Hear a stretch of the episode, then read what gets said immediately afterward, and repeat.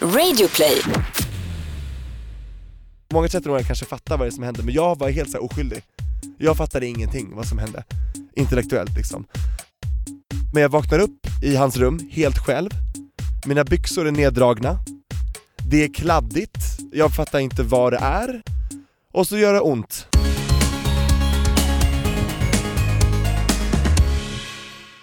Hej Tobias! Hallå Anton! Hur mår du idag, Mr Trötter? Ja, det är blandade känslor idag.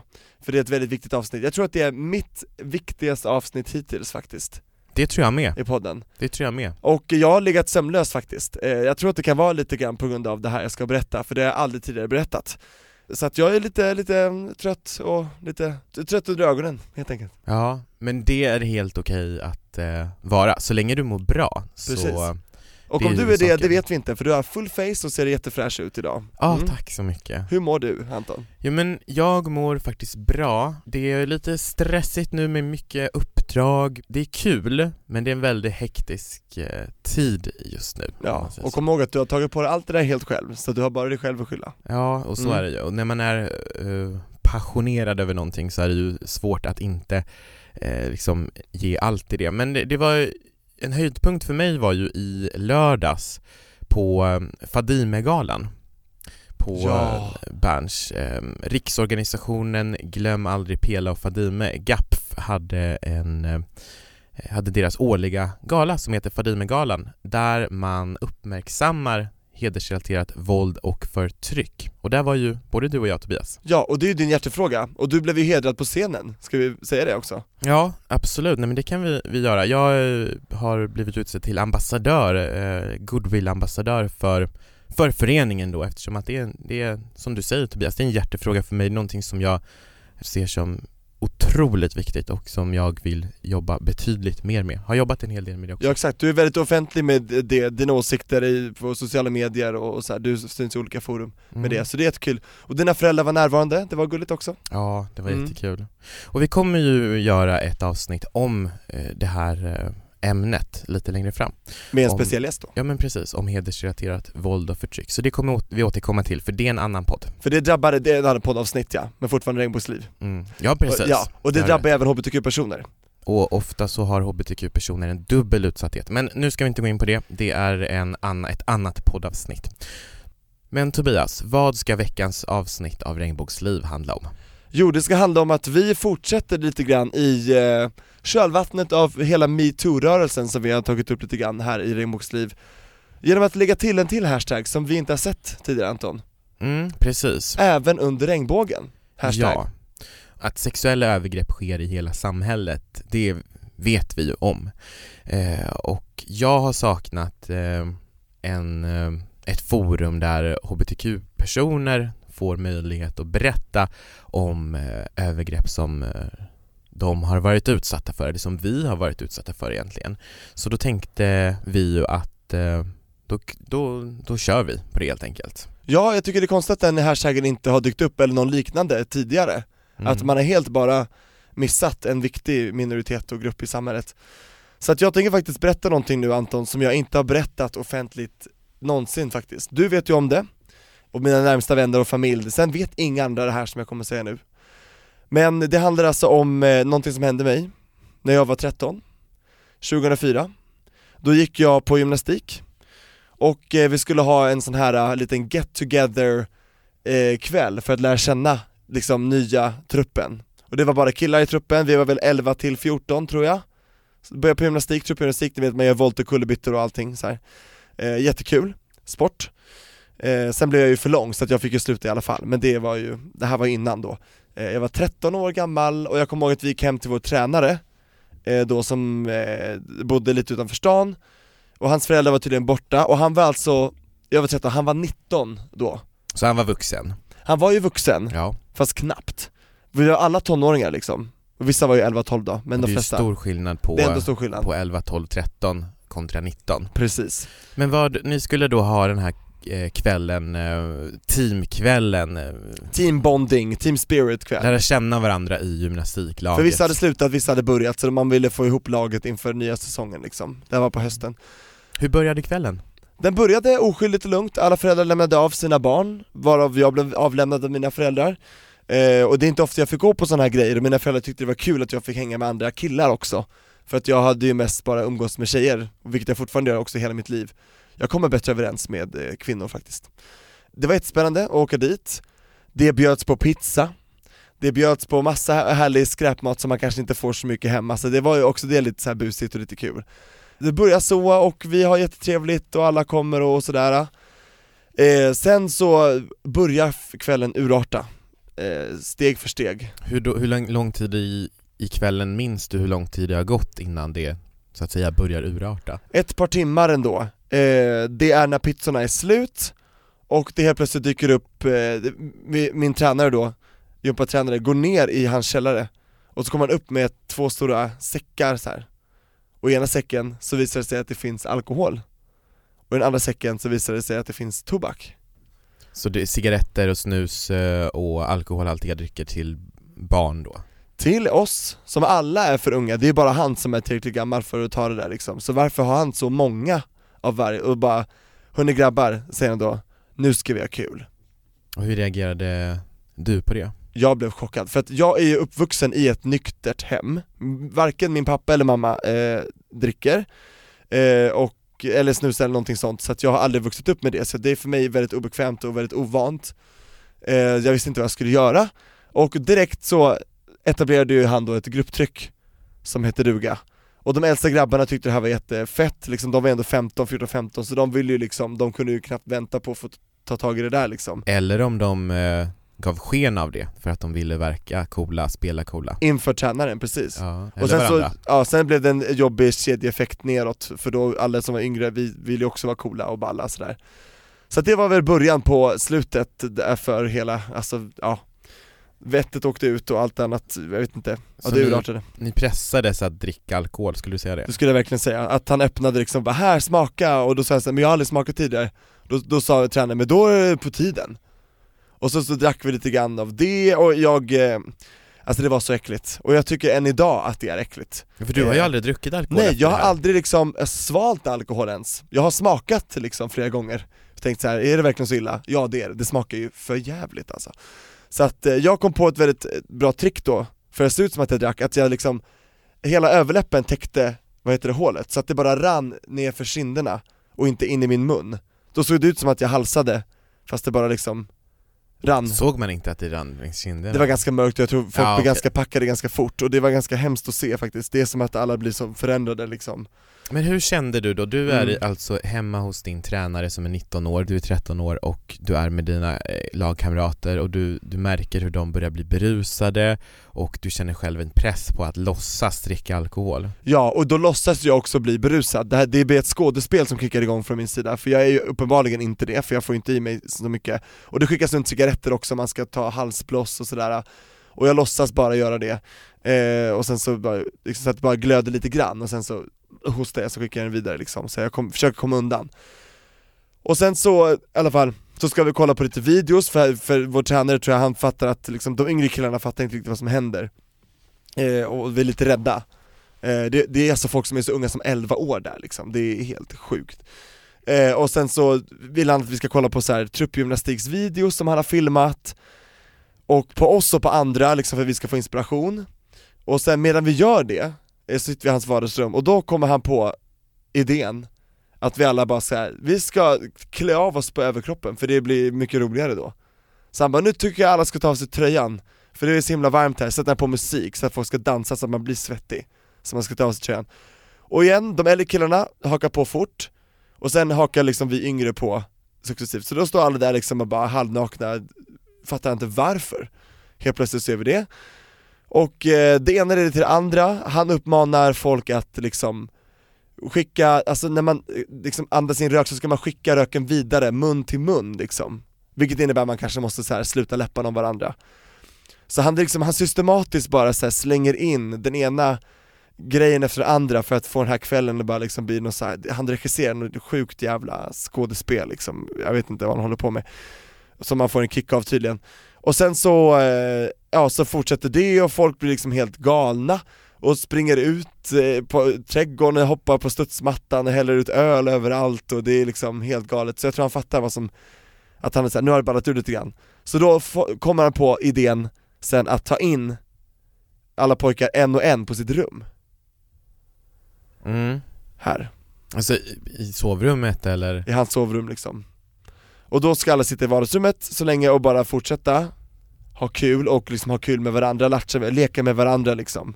Det var mycket så här betonat, vi ska leka, vi ska leka, vi ska ha kul liksom.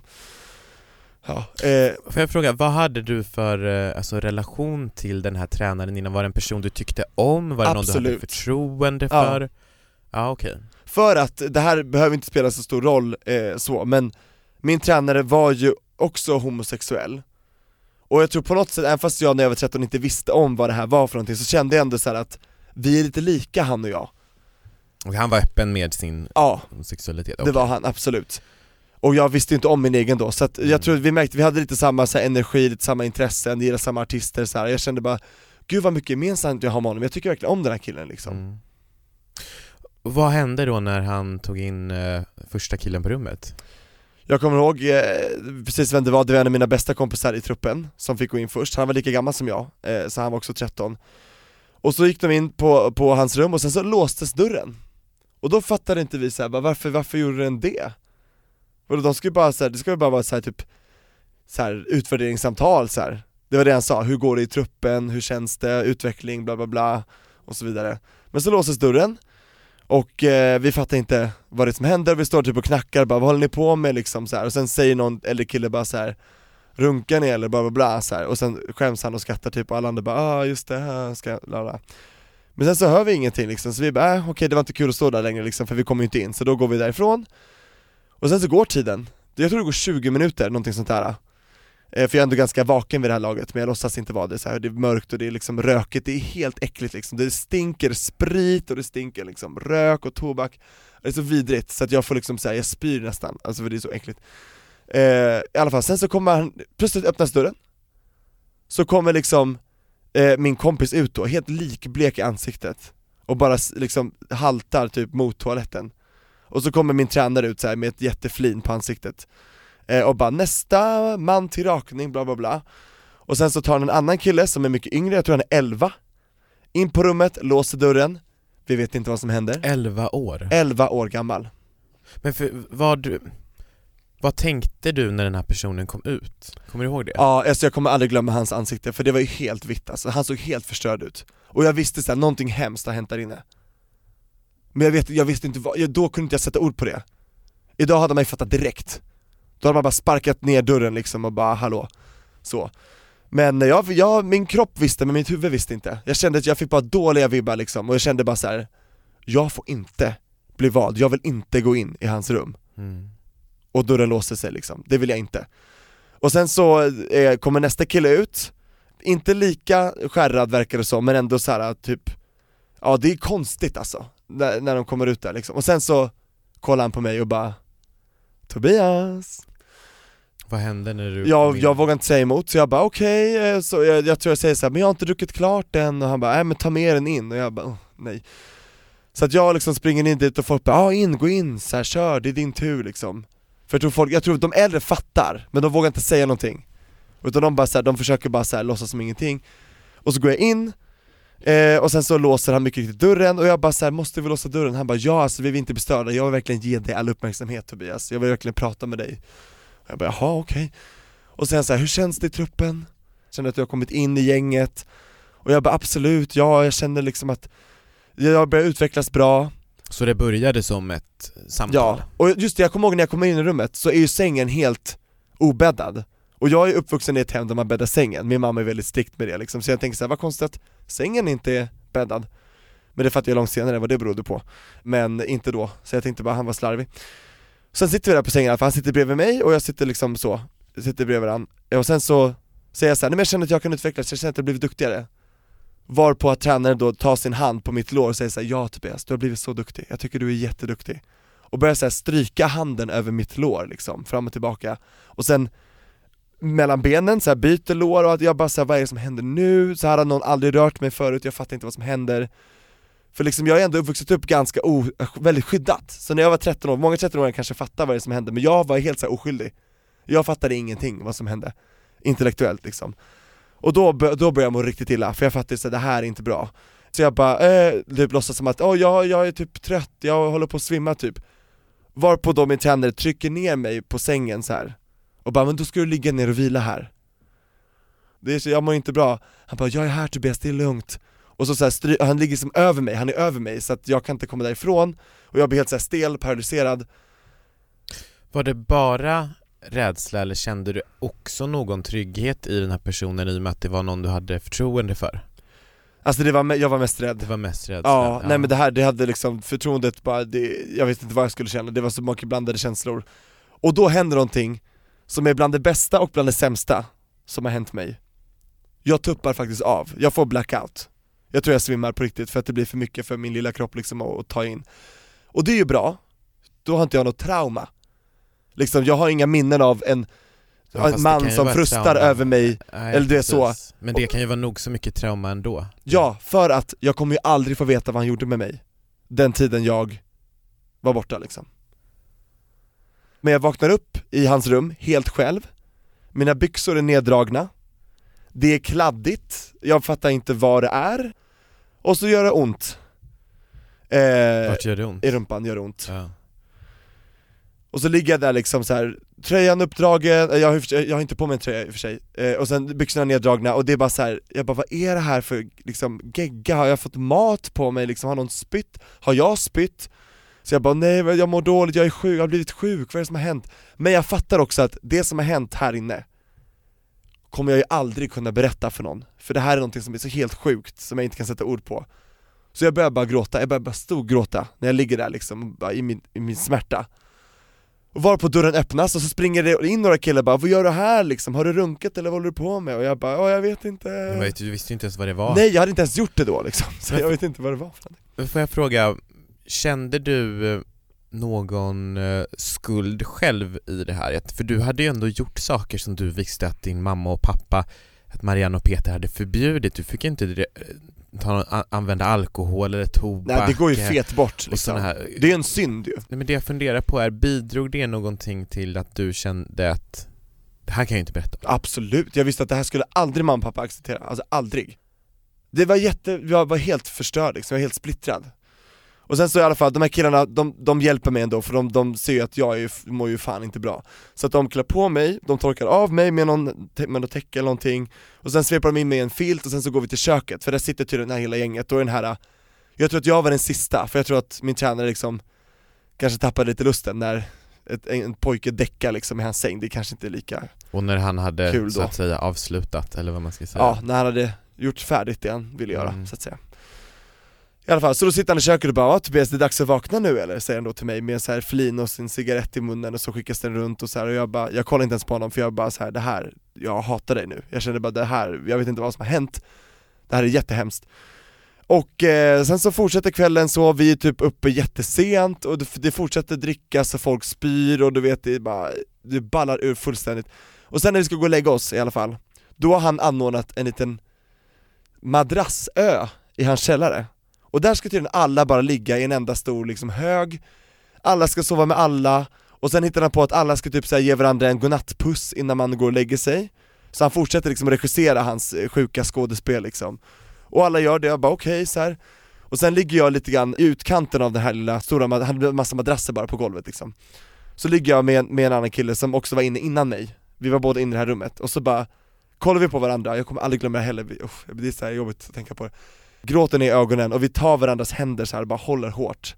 Och så somnar vi så, för vi fattar så här: shit. Det vi har varit med om kommer vi aldrig kunna berätta för någon, men vi vet precis så här, båda två vad vi har varit med om liksom. Och vi, det var bara, ah, så mycket smärta. Så ligger vi där och bara kramar om varandras händer, sen somnar vi, och sen så vaknar vi tydligen för sent.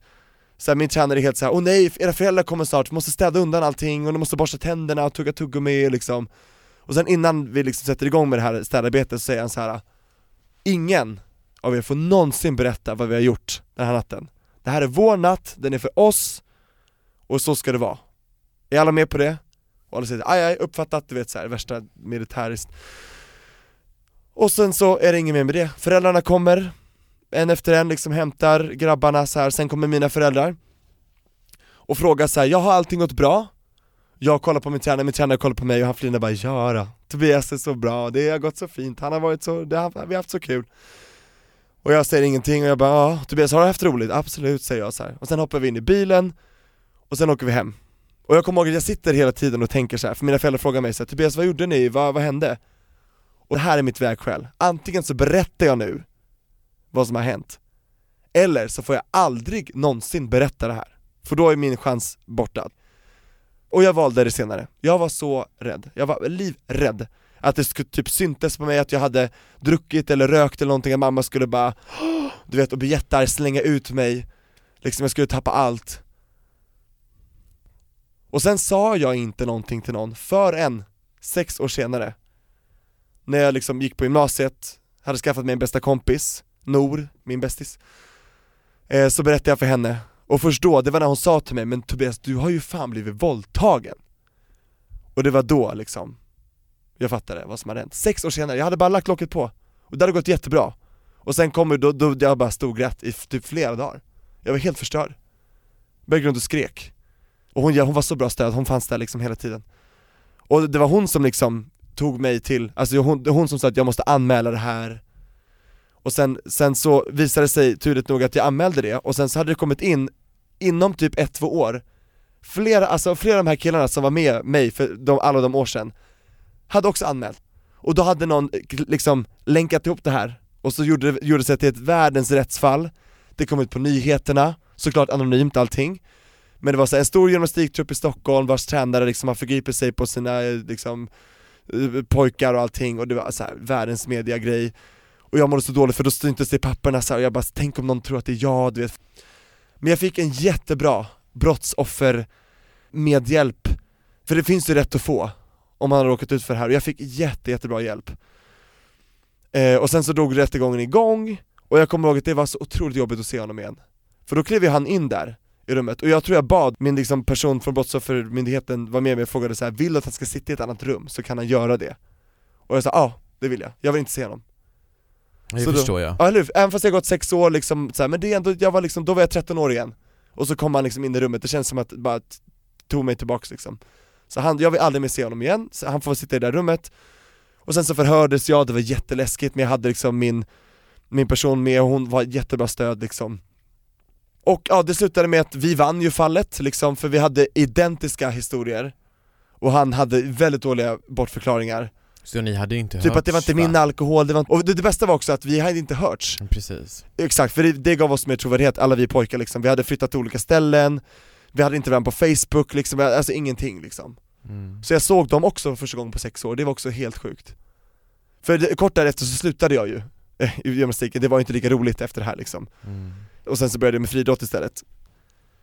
Ja alltså det här är en helt sjuk eh, grej i mitt liv liksom, som har hänt. Som än idag är svår att fatta att det har hänt, men nu fattar jag ju verkligen vad som har hänt och vad, vilken omfattning det är. Jag ser honom ute ibland, Nej. jo Jag ser honom ute ibland på stan, ute på klubbar ibland. Och då tänker jag alltid att jag ska göra någonting, men jag säger nej. Han ska inte få något mer av mitt liv liksom, jag ska bara, han är, han är död för mig. Han är Ja, luft. det, det... jag tror att det är bäst, och det sa också min brottsoffermänniska så här. Mm. Du ska ha så lite med honom att göra som möjligt. Vi tror inte att han är farlig på det sättet att han kommer liksom jaga er sådär, det, det hade han, han hade varit det så hade han gjort det för länge sedan. Men bara liksom, gå vidare Tobias. Mm. Han får leva med det här resten av hans liv Han har fått prickar i registret, han kan inte få jobb, alltså så idag, hans liv är ju med all rätt inte detsamma liksom, och det är inte vårat heller. Tyvärr. Mm. Men hur skulle du säga att det här har påverkat ditt liv? Alltså jag trodde ju, de här åren när jag hade lagt locket på, mellan 13 och 16 Så började jag upptäcka min egen sexualitet. Och då upptäckte ju jag till min förskräckelse då att jag drogs till andra killar Och jag blev jätterädd, jag trodde att det här som jag hade råkat ut för, det hade förstört mig för all framtid. Du Liksom. trodde det var därför du hade de Jag trodde det var bara därför. Mm. Hade inte det hänt så hade jag gillat tjejer och allting hade varit som vanligt liksom, Mm. men nu, nu gjorde- gjorde jag inte det riktigt. Och eh, nej, jag var jätterädd. Det har rubbat mig, så, under mina tonårsår. Men sen har jag tagit igen det efter att jag anmälde och liksom förstod och blivit klokare och visare och fattat Du fick prata om det och bearbeta Exakt, det. jag var ju så extremt ensam, Mm. ingen fattade mig, jag tror att jag var helt ensam om det här. Sex års tid, mm. ja. Ja Den tiden får jag ju inte tillbaka liksom, men Helt sjukt är det Anton. Alltså det är ju jättehemskt det som har hänt, det är hemskt att det får att det, att det fortsätter ske i samhället, det är hemskt att det hände tidigare. Någonting som jag reagerar på också är det här med eh, när du säger att du eh, kände att det var ditt eget fel, att du inte ville berätta för att du trodde att det var du som har kanske inte bidragit till någonting, om jag ska försöka läsa lite mellan raderna Ja för jag tyckte så, vi hade så mycket gemensamt, då tänkte jag så här, men han är som jag, då är jag som han. Ja, Det är det. Jag har förstått också på att ibland så kan det ju vara så att det känns bra en viss, till en viss, det kanske, vissa saker kanske känns spännande, vissa saker kanske känns, eh, Ja, Det är kanske är kul att få en kram av någon man tycker om liksom, och det pirrar till lite grann. Ja men precis. Men sen urartade ju kanske kramen då väldigt fort, det blev något helt annat. Ja men precis, Ja. så att man då liksom lägger den här skulden på sig själv eh, Typ att jag gillade det ju. Så därför är det inte synd om mig, Ja, alltså så, ja, så tänkte jag i alla fall, jag tror många kanske känner igen sig. Ja. När de flesta tänker på ordet våldtäkt och vad det innebär så tänker de flesta på att kanske går utomhus, blir nedslagen och liksom Ganska, ganska brutala fasthåll- grejer Men precis, och då kan det ju vara så att man om man utsätts för en våldtäkt som ju du utsattes för I ett tryggt hem alltså, så att säga, Ja. med vänner och där det var någon du hade förtroende för, det var någonting som det kanske kändes bra till viss del och så Mm. vidare, du hade varit med på en hel del saker och då känns det ju kanske extra mycket det här att nej men det här var ingen våldtäkt för det är ingenting som du Precis, och då var jag ju så ung så jag Ja. kunde inte sätta ord på det heller, jag visste inte vad det var Precis. Men det vet jag ju idag Jag tänker att vi ska fortsätta prata om det här tillsammans med eh, veckans gäst. Ja, nu är det värsta över känner jag också så det är skönt att ta in Ja, men vad, henne hur nu känns det att ha berättat? Det känns, jag vet inte, det känns jättemycket Mm. Jag känner jättemycket just nu Men mest eh, lättnad faktiskt oh, Shit Välkommen in Anna Sjögren! Poddtips från Podplay. I podden Något Kaiko garanterar östgötarna Brutti och jag, Davva, dig en stor dos skratt. Där följer jag pladask för köttätandet igen. Man är lite som en jävla vampyr. Man har fått lite blodsmak och då måste man ha mer. Udda spaningar, fängslande anekdoter och en och annan arg rant. Jag måste ha mitt kaffe på morgonen för annars är jag ingen trevlig människa. Då är du ingen trevlig människa, punkt. Något Kaiko, hör du på Podplay. Därför är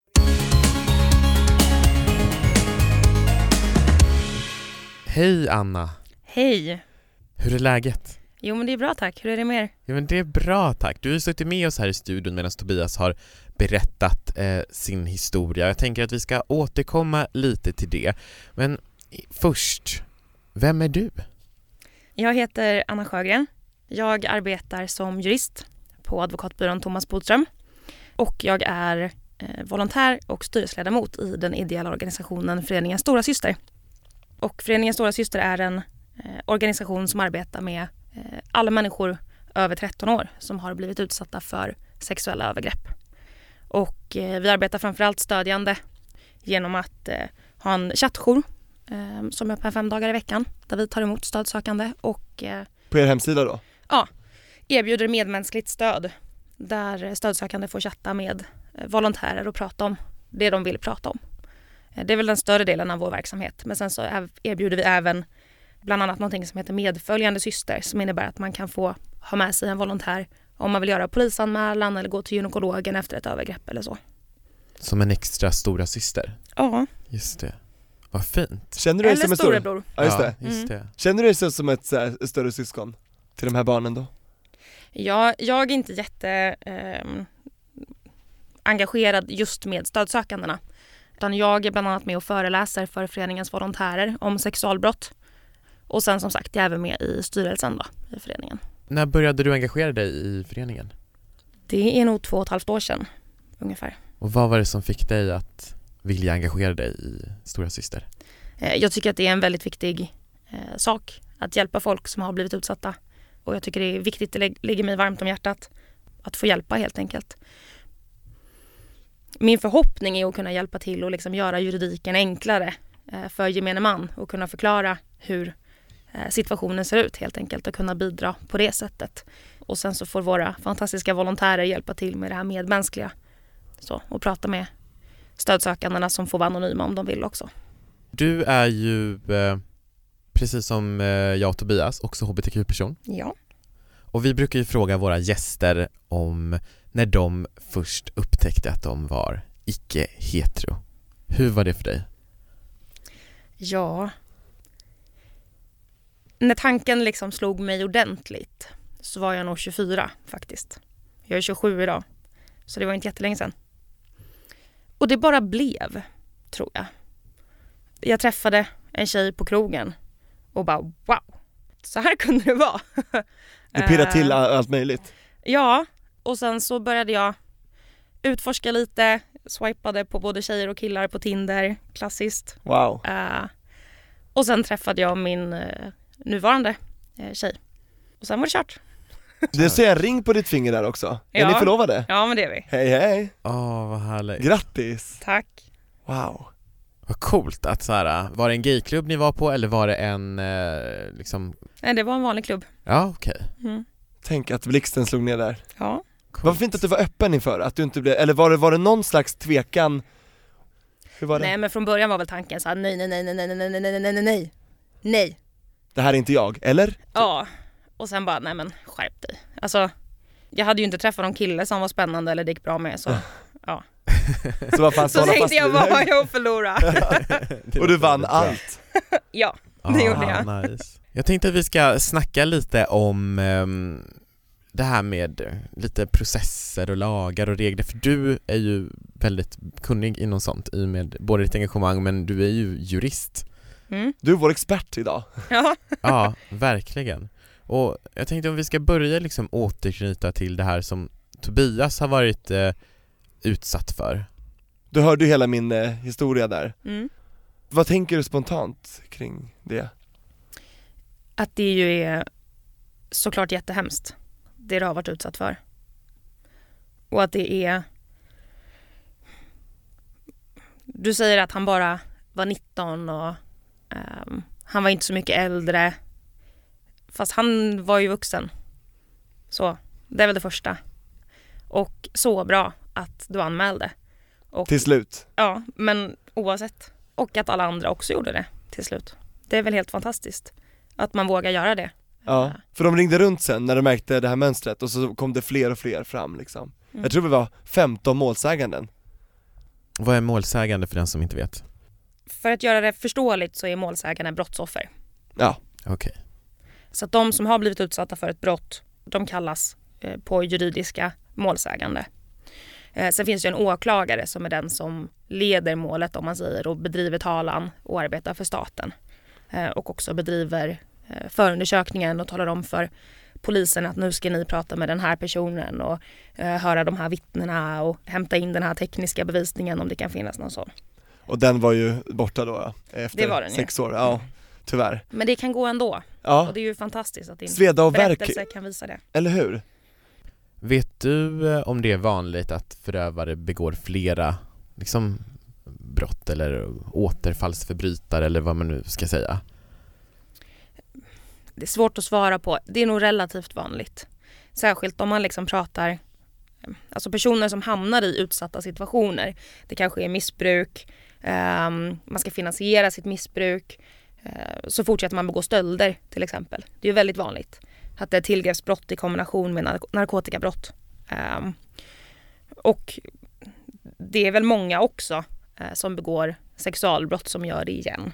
Eh, Men det är klart det finns många som gör det för första gången också. Eller i vart fall döms för första och sista gången. Just det. Ja, men vad tycker du här med att, att han bara fick typ ett och ett halvt års fängelse? Det tycker jag är jättelite. Det är väl egentligen ganska vanligt, vill jag nästan påstå. Beroende på vilket brott han dömdes för i och för sig ska jag säga. Men om man döms för en våldtäkt så är minimistraffet två år. Men det mot ut barn, det här är liksom pedofili liksom. Det känns som att det borde vara Ehm. allvarligare. Mm. Alltså våldtäkt mot barn innebär ju att man har sex med någon som är under 15 om man är över 15. Om man ska hårdra det. Och det var ju vi då. Mm. Och Men då har det inte förekommit något våld eller tvång eller hot utan det är bara liksom Är du över 15 och har sex med någon som är under 15 så är det våldtäkt mot barn. Även om båda skulle vara okej, vad ska man säga typ? Eller om, Det finns undantagsregler. Okej. Alltså om någon som är 15 och ett halvt är tillsammans med någon som är 14 år och 9 månader så kan det bli strafffritt. Eh, så. Men huvudregeln är det är våldtäkt mot barn. Men där är också minimistraffet, det vill säga det lägsta straffet man kan dömas till, eh, två år. Och är man under 21 fortfarande idag eh, så får man åldersavdrag eller vad man ska kalla det för. När man är 15 så blir man straffmyndig. När man blir 18 så blir man myndig som en vanlig person och när man är över eh, 21 så kan man dömas till livstids eh, fängelsestraff. Så mellan 15 upp till 21 så får man lite straffrabatt kallar man det, vilket är ganska fult att kalla det det för. är ganska sjukt liksom. Eh, Men det handlar om att man inte har fullt konsekvenstänk ännu när man är så pass ung. Eh, Och att det påverkar ens liv väldigt, väldigt mycket med ett långt straff ju yngre man är. Och då får man helt enkelt eh, ett kortare straff än vad en vuxen person skulle ha fått. Och i den bemärkelsen så blir man vuxen då när man har fyllt 21. Eh, Så att en 19-åring skulle nog få runda slängar ett och ett halvt år nu också. Det är så pass. Men alltså jag tycker, alltså hur ska vi ändra det här? För jag tycker, det, brott som inte så här, skadar någon annan än den person som utför det Känns som att de får jättelånga straff och sen när man verkligen så här, alltså riskerar att förstöra någon människa helt och hållet Mm. Att det bara blir så kort tid Är det verkligen rättvist liksom? Det är väl det eh, alltså samhällsdebatten inte tycker. Men uppenbarligen så tycker ju fortfarande politikerna det. Som stiftar lagarna. Tycker att skattebrott till exempel Det är det är väldigt allvarligt. Brott Mm. mot staten. Medan brott mot person. ehm, ja. Samtidigt så jag menar sitta i fängelse i två år.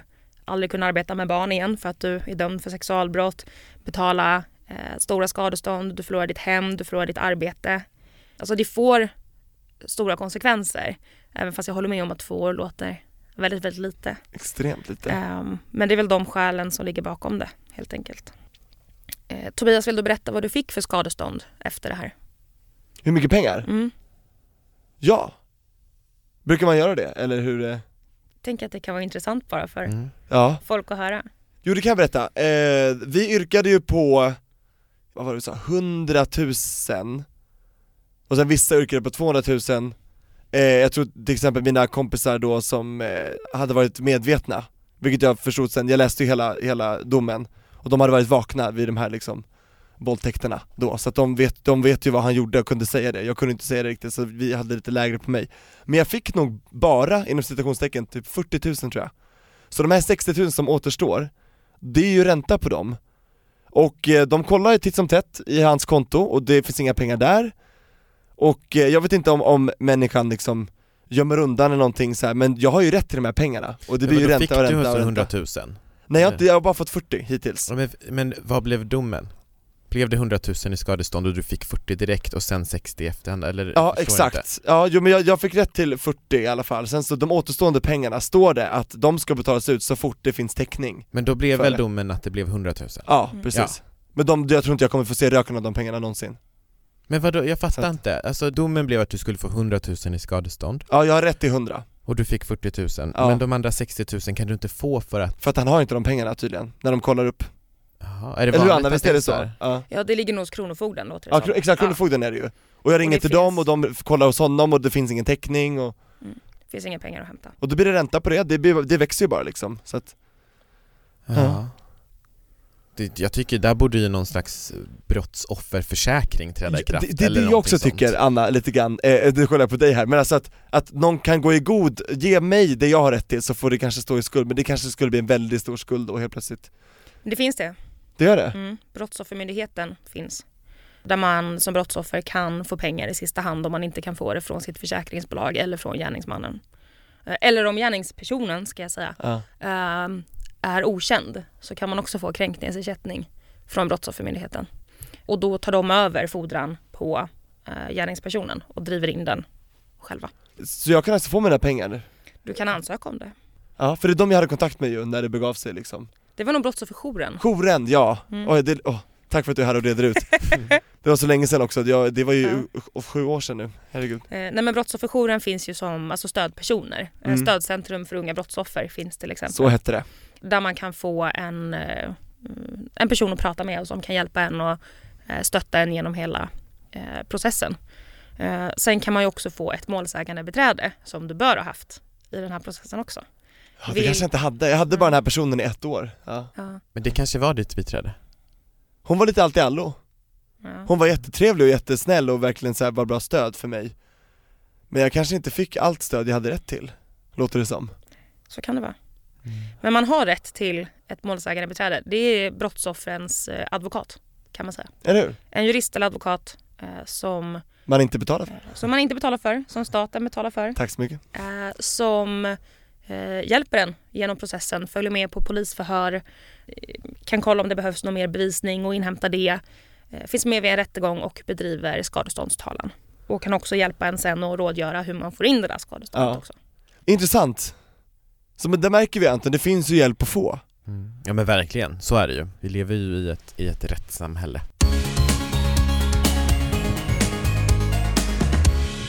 Jag skulle vilja veta lite mer om eh, organisationen som du är engagerad i Anna, Mm. Stora Syster.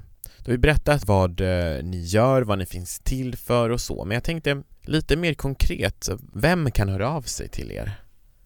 Vi tar emot alla personer eh, oavsett könsidentitet, sexuell läggning men har en åldersgräns på 13 år. För att det är skillnad på att hjälpa barn och folk som är lite äldre.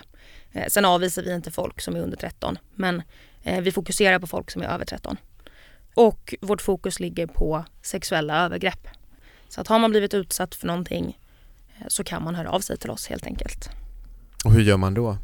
Då kan man eh, gå in på vår hemsida, eh, föreningenstorasyster.se och eh, dels läsa massa om föreningen och vilka stödfunktioner vi har, vad vi gör. Men som sagt, fem dagar i kvällen så fem kvällar i veckan Ja, så har vi eh, en chattjour under två timmar mellan 8 och eh, 10 på vardagar och 16 till 18 på söndagar. Så sitter två eller tre volontärer och bemannar chatten. Så kan man gå in helt anonymt om man vill eh, och skriva en gång eller varje kväll eller ofta man känner för det. Och helt enkelt få ett medmänskligt stöd. Berätta hur mycket man vill, hur lite man vill. Få råd och tips i hur man kan gå vidare, eh, vilken hjälp som finns att söka. Finns det någon hbtq-gynekolog på min ort? Alltså så, vilka frågor man egentligen vill ställa. Eller om man bara behöver få ventilera och berätta sin berättelse så går det också jättebra. Har du suttit vid den chatten någon gång och, Mm. och skrivit? Hur, hur, hur är det måste jag bara fråga, vad, vad får du för frågor? Alltså många uttrycker väl att de inte mår bra för det första.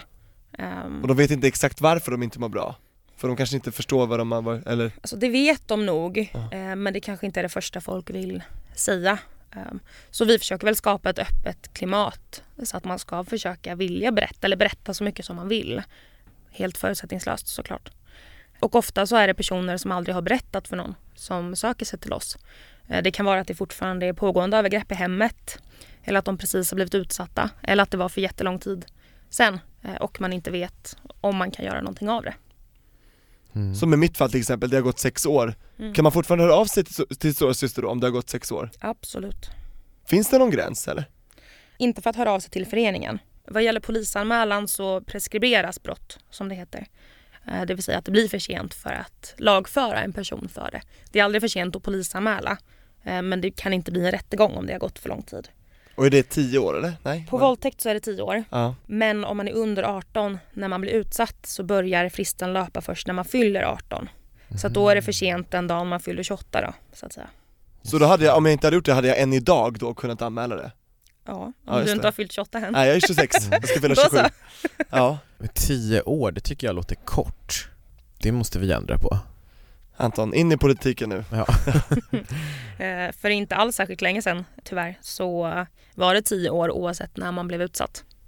Mm. Men nu är det 10 år från det att man i alla fall blir myndig. Så att man har 10 år på sig i vuxen ålder att faktiskt inse eh, att man har blivit utsatt, vad man har blivit utsatt för och att det går att göra någonting åt det. För det tog mig liksom att bli vuxen innan jag fattade det. Jag var ju 19 när jag fattade vad som Mm. hade hänt. Så att jag tycker det är helt rätt alltså. Mer, mer åt det hållet ska vi gå. Ja, verkligen. Upprättelse till de som utsätts. Oh ja, oh Verkligen. ja. Sen är det klart att det är bättre att anmäla så fort som möjligt, alltså ur Ja, eh, bevissäkringssyfte. Eh, Ju mer bevis som finns desto bättre. Hade du till exempel polisanmält direkt så kanske det hade funnits kvar DNA i den här sängen. Eh, Det kanske hade funnits skador på dig man hade kunnat hitta. Precis, Det kanske- burkarna i, i hemmet Mm. hade man kunnat liksom gå in och kolla. Så det är ju lättare att bevisa ett brott ju mer bevis som finns. Och bevis försvinner ju med tid. Just det. Eh, Men jag har fått frågan så här från folk, men varför anmäler du inte direkt liksom? Då får jag lite så här, varför ger de mig skam? Jag vi, vågade ju inte, jag var ju rädd.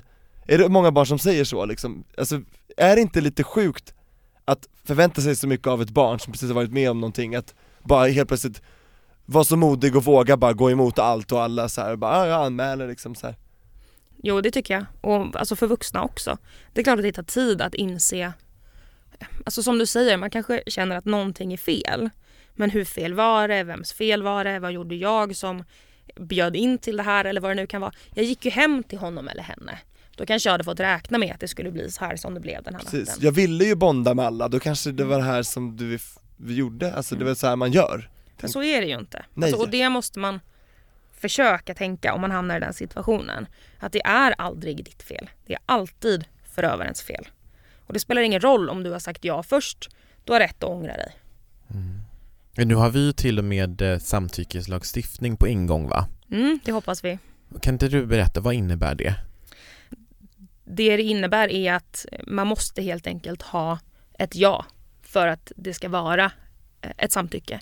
Dagens lagstiftning bygger på när man inte kan samtycka. Om du är jättefull eller hög, om du sover, ehm, Inte medveten liksom riktigt. Ja. Ja. eller om du blir slagen, tvång, hot, då kan du inte samtycka till sex. Men tanken är väl att det ska bli eh, mer åt frivillighetshållet. Att har du gjort det här frivilligt? Att det måste ha varit frivilligt för att det ska vara okej. Så att man ställer högre krav på gärningspersonens kontroll eller vad man ska säga på att det ska vara frivilligt. Men sen så ska man också förhoppningsvis införa ett oaktsamhetsbrott. Nu krävs det ju att man mer eller mindre har våldtagit någon med flit för att det ska bli någonting av det. Jag måste ha insett att du var för full eller att du inte ville det här eller att, att jag slog dig gjorde att du inte kunde gå därifrån. För det är det de skyller på idag liksom, att men jag trodde att de ville. Mm. Ja. Eller vanligaste hon var med på det. Ja. Förr så brukade man invända att nej men jag var inte där. Men sen så kom ju DNA-bevisningen ikapp och då kunde man ju bevisa att fast du var nog där. Men då sa man istället att hon var med på det. För problemet är ju att det är ju oftast bara två personer där. Eh, och då är det ord mot ord och då behöver man bevisning som kan stärka upp det där. Men då kan man till exempel använda om man har berättat för någon direkt efter, eh, en kompis. eh, Sms-konversation kanske finns, Absolut. spara allt liksom, Mm. skärmdump. Och vad skulle du ge för råd eh, till eh, den personen som eh, funderar på om den har blivit utsatt eller inte? För det är ju inte alltid självklart. Det är ju inte den som har blivit utsatts jobb Nej, att definiera vad man har blivit utsatt för. Om du upplever att du har blivit utsatt för någonting och vill polisanmäla det, så gör det. Är du osäker och känner att nej men jag vet inte vad jag vill och om det här var någonting, men prata med någon. För att om du berättar det här för din kompis så kommer säkert din kompis kunna säga men du det där var ju inte okej. Vänd på det. Om din kompis hade berättat för dig det som du har att berätta, vad hade du tänkt om det då? Och oavsett polisanmäl. Det kanske inte är en våldtäkt, det kanske är ett sexuellt ofredande. Eller så är det ett annat brott, det kanske är ett hot. Men polisanmäl. Det är mitt råd. Och vågar man inte det så ta kontakt med någon organisation eller någon jurist och fråga. Kan du hjälpa mig med det här? Vad är det jag har blivit utsatt för? Och så kan man gå vidare därifrån. och då finns ju Storasyster som ett lysande exempel där då. Ja. Just det. Tänk vad jag hade behövt höra här liksom, när jag var mindre. Mm. Då hade det kanske sett annorlunda ut. Så att det är jättebra att det finns idag, tycker jag. Mm. Verkligen. Det blir väl bättre hörni? Ja, det hoppas jag. Ja, Det tycker jag. Det känns som det är många goda krafter som kämpar åt rätt håll. ja. Mm. Och du är ju en av dem, eh, Anna. Stort tack för att du kom och besökte oss idag. Men tack själva. Ja, underbart. Och på återseende när som helst. Och då vet vi att vi alltid kan höra av oss till dig där. Nu vet vi var du finns och var du, var du är någonstans. Om man skulle behöva veta något mer. Det kan man. Och lycka till med, med bröllopsplaneringen, ingen stress med det. För dig och fästmön Ja, där. verkligen. Superkul.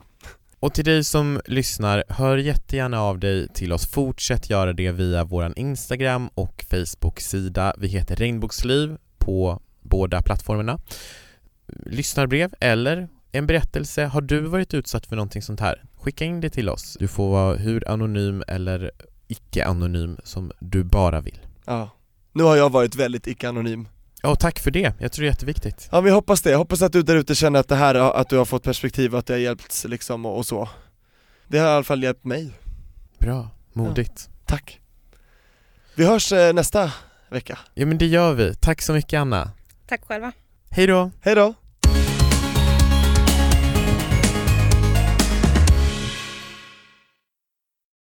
Ett poddtips från Podplay. I podden Något Kaiko garanterar östgötarna Brutti och jag, Davva, dig en stor dos skratt. Där följer jag pladask för köttätandet igen. Man är lite som en jävla vampyr. Man har fått lite blodsmak och då måste man ha mer.